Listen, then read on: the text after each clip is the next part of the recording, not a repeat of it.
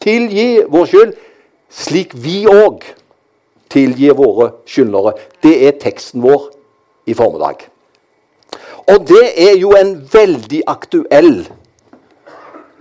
eh, tekst. For det møter oss midt i livet. For på mange måter så kan vi kan man si det sånn, man kan lure seg litt bort. Fordi eh, det er ikke alt som treffer oss, og da er det lett å forholde seg når det er noe som på en måte Ja, ja, man kan la, leve med det. Men dette kan vi faktisk talt ikke være uvirksom i forhold til. Det er så viktig at vi lever i tilgivelsens rike. Det var en psykolog, og nå får vi opp neste bilde. Han har sagt noe om tilgivelse. Og han siterer Store norske leksikon. Og jeg syns det er veldig fint at en professor i psykologi For det er lett å ha kristne kilder når vi snakker om tilgivelse. ikke sant? For det finnes så masse kilder fra Bibelen og Guds ord som går på dette med tilgivelse. Men nå skal du høre eh, hva han sier. Han er professor i Universitetet i Tromsø, Frode Svartdal. Han har sagt slik Tilgivelse er en internasjonal og frivillig beslutning om å endre ens holdning til en urett ved å redusere negative følelser og tanker. Jeg tror det er et, et bilde hvor også det kommer fram. I neste bilde har du Ja, da skal bare gjenta det. Det er altså tilgivelse. Det er noe som skjer internasjonalt, frivillig. Det er snakk om å endre en holdning til urett ved å redusere negative følelser. Men ikke bare negative følelser, men også negative tanker. Og tilgivelse, for å slå det fast Det betyr ikke at man unnskylder eller fritar mennesker for ansvar. For Det er viktig å få med seg. For noen tenker som så at ja, har jeg tilgitt, da er liksom alt er da i skjønneste orden. Men tilgir du, så betyr det ikke at vedkommende som du tilgir, er fritatt for ansvar. For noe har vedkommende gjort. Og hvis vedkommende har gjort alvorlige ting, så kan du i ditt hjerte be om tilgivelse, men det får allikevel fortsatt konsekvenser. Ikke sant? Man skjønner det har med, med andre ting enn bare noe som jeg gjør i mitt hjerte. Og tilgivelse Det gjelder mitt forhold til andre mennesker. Men det er også viktig og det skal jeg komme inn på i formiddag, det er også viktig tilgivelse i forhold til oss sjøl. For ofte så må vi også ta noen runder hvor vi er nødt til å tilgi oss selv for noe av det som vi har gjort. Tradisjonelt Jeg starta med han psykologen oppe i, Tromsø. Men tradisjonelt har tilgivelse vært sett på som et begrep knyttet til kristne og religiøse sammenhenger. Men i de senere tiårene, og det er interessant, så har temaet fanget oppmerksomhet også i psykologisk forskning. Og da stiller man spørsmålet i hvilken grad påvirker tilgivelse en positiv innvirkning på helsa vår? Og eh, Det sier jo seg nesten sjøl at hvis man lever i en konflikt år ut og år inn, og det er en vanskelig konflikt, og man ikke får komme til tilgivelse på det, så går det også etter hvert på helsa løs. Fordi det psykiske har også påvirkning på det fysiske og på helsa vår. Alle mennesker vil komme i en situasjon der vi trenger å be om tilgivelse. Jeg vil møte oss gjerne se det mennesket øyne til øyne som kan si det. 'Jeg har aldri trengt å be om tilgivelse.' Altså, Da er vi ikke sanne, tror jeg. For det har alltid vært et eller annet gjennom et liv hvor vi trenger å be om tilgivelse. Følelsen av å få gått seg mot noen andre er knugende og ubehagelig. Men det vil skje i den sammenheng som vi er i, så vil det skje at man trenger å be om tilgivelse. Dagens bønn om å tilgi oss vår skyld, slik vi òg tilgir våre skyldnere. Dagens bønn handler om tilgivelse, og den trengs i tre retninger. Og det er de tre retningene som er på bildet nå. Vi trenger tilgivelse av Gud. Vi trenger tilgivelse til og av hverandre. Og så trenger vi også å tilgi oss sjøl når det trengs. Og så var det da Matteus 6,12, som er bibelordet som jeg allerede har sitert. Det er kanskje Matteus 6,12 en av de mest utfordrende bønner i Fader vår. Det omhandler nemlig mitt og ditt forhold til Gud, og det omhandler ditt og mitt forhold til våre medmennesker. Tilgi oss vår skyld er den første av de to bønnene som vi skal ta for oss nå. Tilgi oss vår skyld. Hva tenker du på når du hører ordet skyld? Kan vi så i det så enkelt at det, det er et annet ord for ordet synd? Tilgi oss vår skyld. Tilgi oss vår synd. Tilgi oss våre feil, våre mangler, vår tilkortkommenhet. I dypest forstand så er skyld det samme som synd. Av synd trenger vi tilgivelse fra Gud. Hva er synd? Ja, når jeg var liten, så definerte vi synd på mange forskjellige måter. ikke sant? Synd var gjerne ting som hadde med ytre ting hos oss å gjøre. Eh, noe av det første jeg fikk høre som var synd Det er merkelig, for det er virkelig primitivt kulturelt, men det var det som var det. Noe av det første som jeg husker var synd, det var 'det syns den å plystre'. Det var det første begrepet jeg fikk om synd. Og det var en god, gammel nabo som var eh, så gudfryktig. Eh, han hørte at vi gutter vi løp der og vi plystra, og da sa han at det er Sten, du må ikke plystre, for du, du plystrer på den onde, sa han. og plystre sund. Så det var første eh, opplevelsen som jeg hadde av at synd er noe som har med ytre ting å gjøre. Og så trenger vi ikke dra den leksa, men så var det mange ting som var synd i den tida hvor enkelte av oss vokste opp. Men hva er synd? Det nye testamentet, for det var Bibelen sier som er interessant Det nye testamentet bruker fem forskjellige ord fra synd. Og da får vi de opp her. Og i og med at det er greske ord, så, så har vi de fem greske ordene i Det nye testamentet for synd. Det første hamartia. Og det er det som ofte sier synd, sier vi. De har bommet på målet. Ikke sant? Det har vi hørt som en eh, god definisjon på hva synd er. Da bommer du på målet. Hamartia. Å bomme på målet. Ja, det er én måte som ordet synd blir brukt på. En annen, det er parabasis. Da tråkker man over. Og hvis man tråkker over en situasjon kan tråkke over noen i menneskers liv, så er det ordet for det er synd. Eller paraptoma, som betyr da tråkker man ikke men da, da, da, da, glipper det for oss.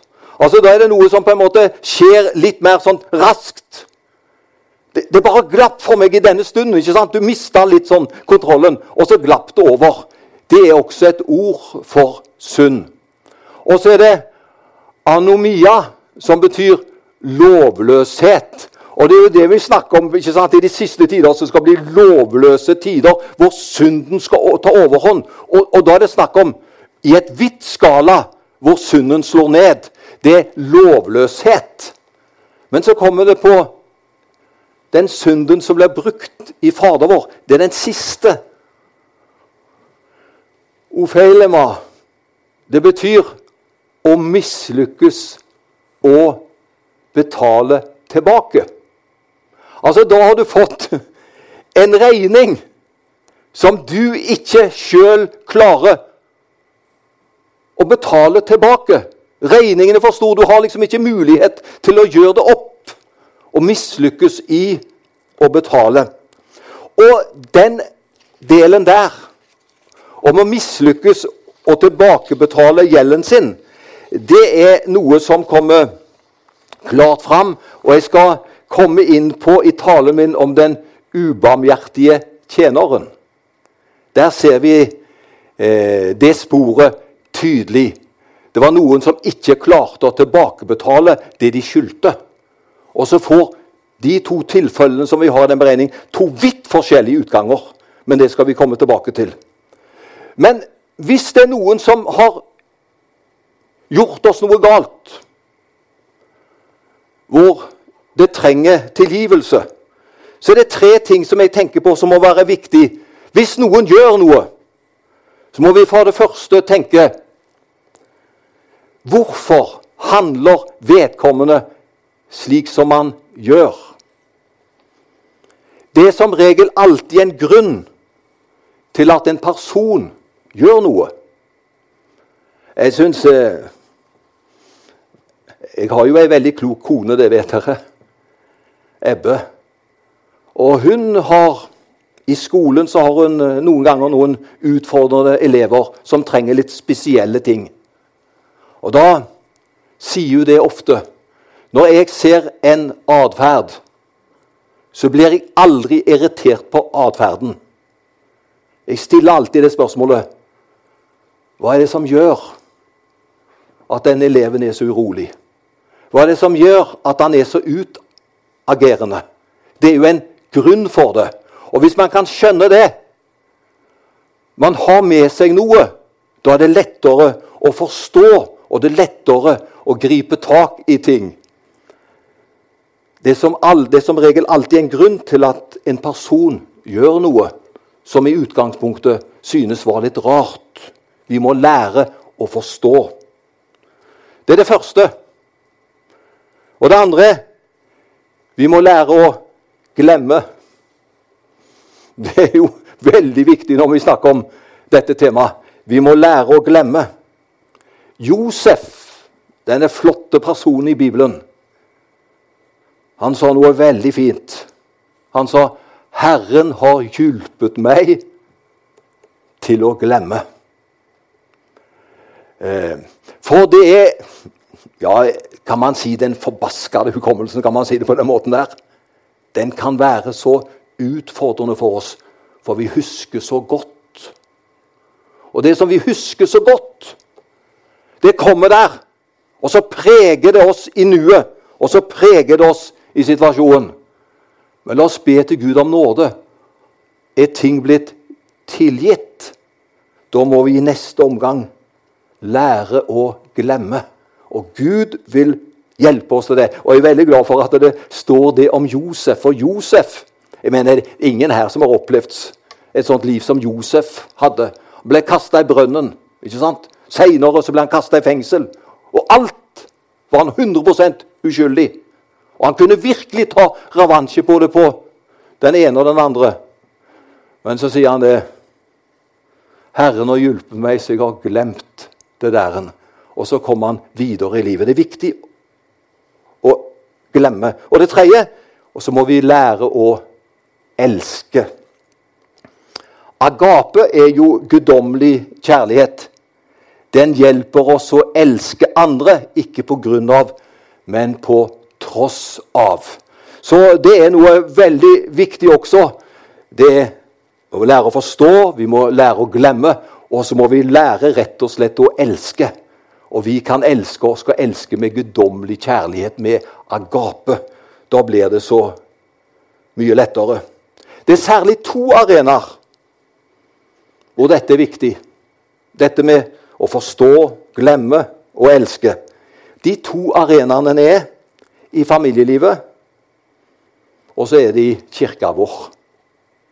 Det er to av de viktigste arenaer. Så kan du si det og på jobben, ikke sant? For vi har jo forskjellige eh, Du som er veldig ute på jobben ofte, så er jo det en veldig viktig arena hvor det er viktig å forstå, glemme og elske. Men la oss bare tenke på de to tingene. Tenk om det hadde vært virkelig 100% i våre menigheter. Ja, Da tok vi opp ting når de kom, og så ble vi ferdig med dem, og så gikk vi videre. Er det ikke det som ofte tar knekken på oss? Det at vi lar konfliktene ligge, og vi kommer ikke ut av konfliktene. De bare gjentar seg og repeterer seg, og så kommer vi ikke videre. Men Gud har en fantastisk plan. Det å forstå, det å glemme, og det å elske. Tenk hvilken kraft det er i tilgivelse. Tilgivelse kan løse knuter. Tilgivelse kan åpne knuttede never. Tilgivelse skaper fred i sjel og sinn. Det er som plaster på et vondt sår. At vi mennesker har kraft til å tilgi, er en gudgitt og helsebringende egenskap. At vi har muligheter til å tilgi. Vi er ved hovedfundamentet i kristentlivet i dag gjennom denne delen i Fader vår. Det gjelder å få tilgivelse hos Gud. Den er vi helt avhengig av. Og Derfor står det mange 'bekjenn din synd'. står det. Og dersom du bekjenner din synd, så er Gud trofast og rettferdig. Så renser han deg for all urett. Men det er viktig er det noe mellom oss og Gud, altså synd imellom, så er det viktig å bekjenne det. Det er kraft i bekjennelsen. Når vi bekjenner vår synd, så blir vi tilgitt. Men vi skal også tilgi våre skyldnere. Gjør vi ikke det, så vil dette være med å skape belastninger i vårt kristentliv. For vi er ikke skapt for å leve i uoppgjorte forhold. Og så skal jeg komme til den beretningen som jeg sa. Den står i Matteus 18.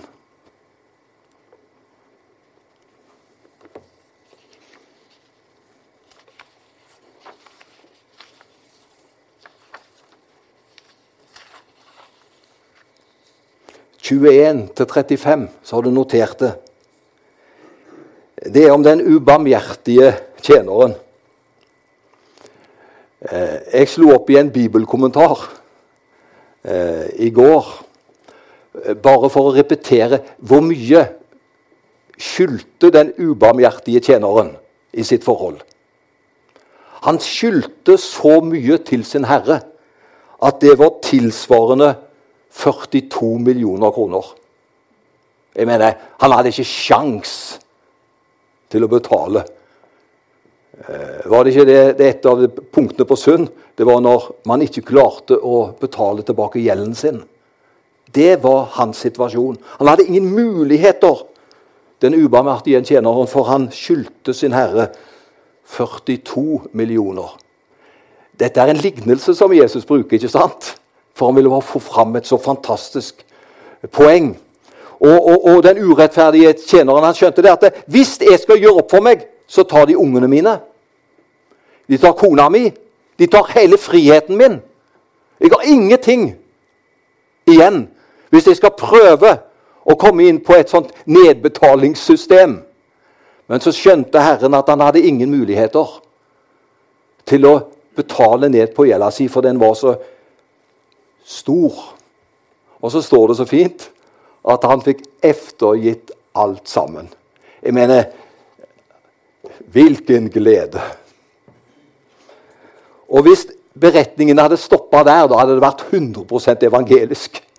Tenk å ha en sånn skyhøy gjeld, men så kommer man til sin Herre, og så får man sletta all gjeld, som er tilsvarende 42 millioner kroner. For en dag! Jeg mener, da skulle gleden være langvarig. Men vet du hva? I neste øyeblikk så går han ut fra samtalen med sin herre Vi har fått sletta 42 millioner i gjeld. Og så møter han en som skylder han et bitte bitte, lite beløp. Vet du hvor lite det beløpet var? Underkant av 100 kroner. Så kan du sette 42 millioner mot 100 kroner. Det er regnestykket. Men så står det at han krever Han som hadde forbrutt seg så lite, det gjaldt bare 100 kroner. Han krever han til siste blodstråpe, for å si det slik. Og da er dette en mektig tekst fra Jesus. At hvis ikke vi tilgir hverandre, så har vi også problemer med tilgivelse overfor vår Herre. Og eh, du husker også i denne sammenhengen så, så, så, så vet, Peter han stilte jo mange spørsmål, han. Og Noen ganger så er det godt å stille spørsmål, men noen ganger så skulle vi bare stilt spørsmålene inni oss.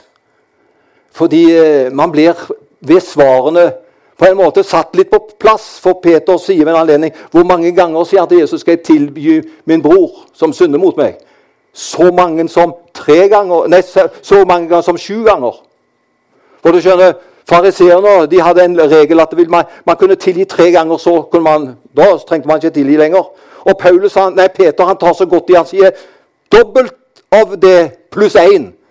Så er det syv ganger. Så han, Peter trodde han var raus. Og det verste av alt at noen ganger så tror vi vi er så veldig flotte, vet du. Men vi har ikke skjønt det. Skal jeg tilgi så mange ganger som sju ganger, sier han. Nei, sier Jesus. Ikke sju ganger, men 70 ganger sju. Og det er ikke Er det 499, det? Det er ikke det. Men det er snakk om ubegrensa. Nå kommer han igjen og vil ha tilgivelse, eller ber om tilgivelse.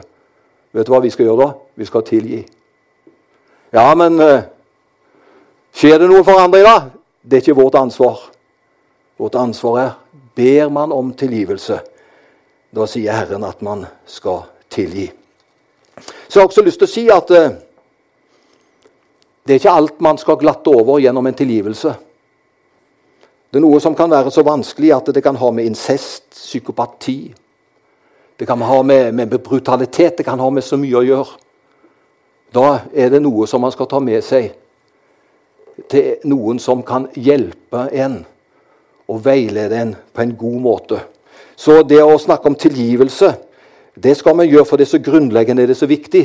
Men det kan også være forhold som det er viktig å gå videre med til noen som kan hjelpe en i sjelesorgrommet, eller sammen med en ekspert som kan hjelpe en, om det er en psykolog, eller om det er lege, eller hvem det er. Det er viktig iallfall å få komme med det og legge det et sted. Jeg trenger å ta imot Guds nåde. Jeg trenger å ta imot Guds tilgivelse. For jeg er avhengig av den. Men så er det også så viktig at vi kan bringe denne tilgivelsen ut i våre miljøer. Tilgi oss vår synd eller vår skyld, slik som også vi tilgir våre skyldnere.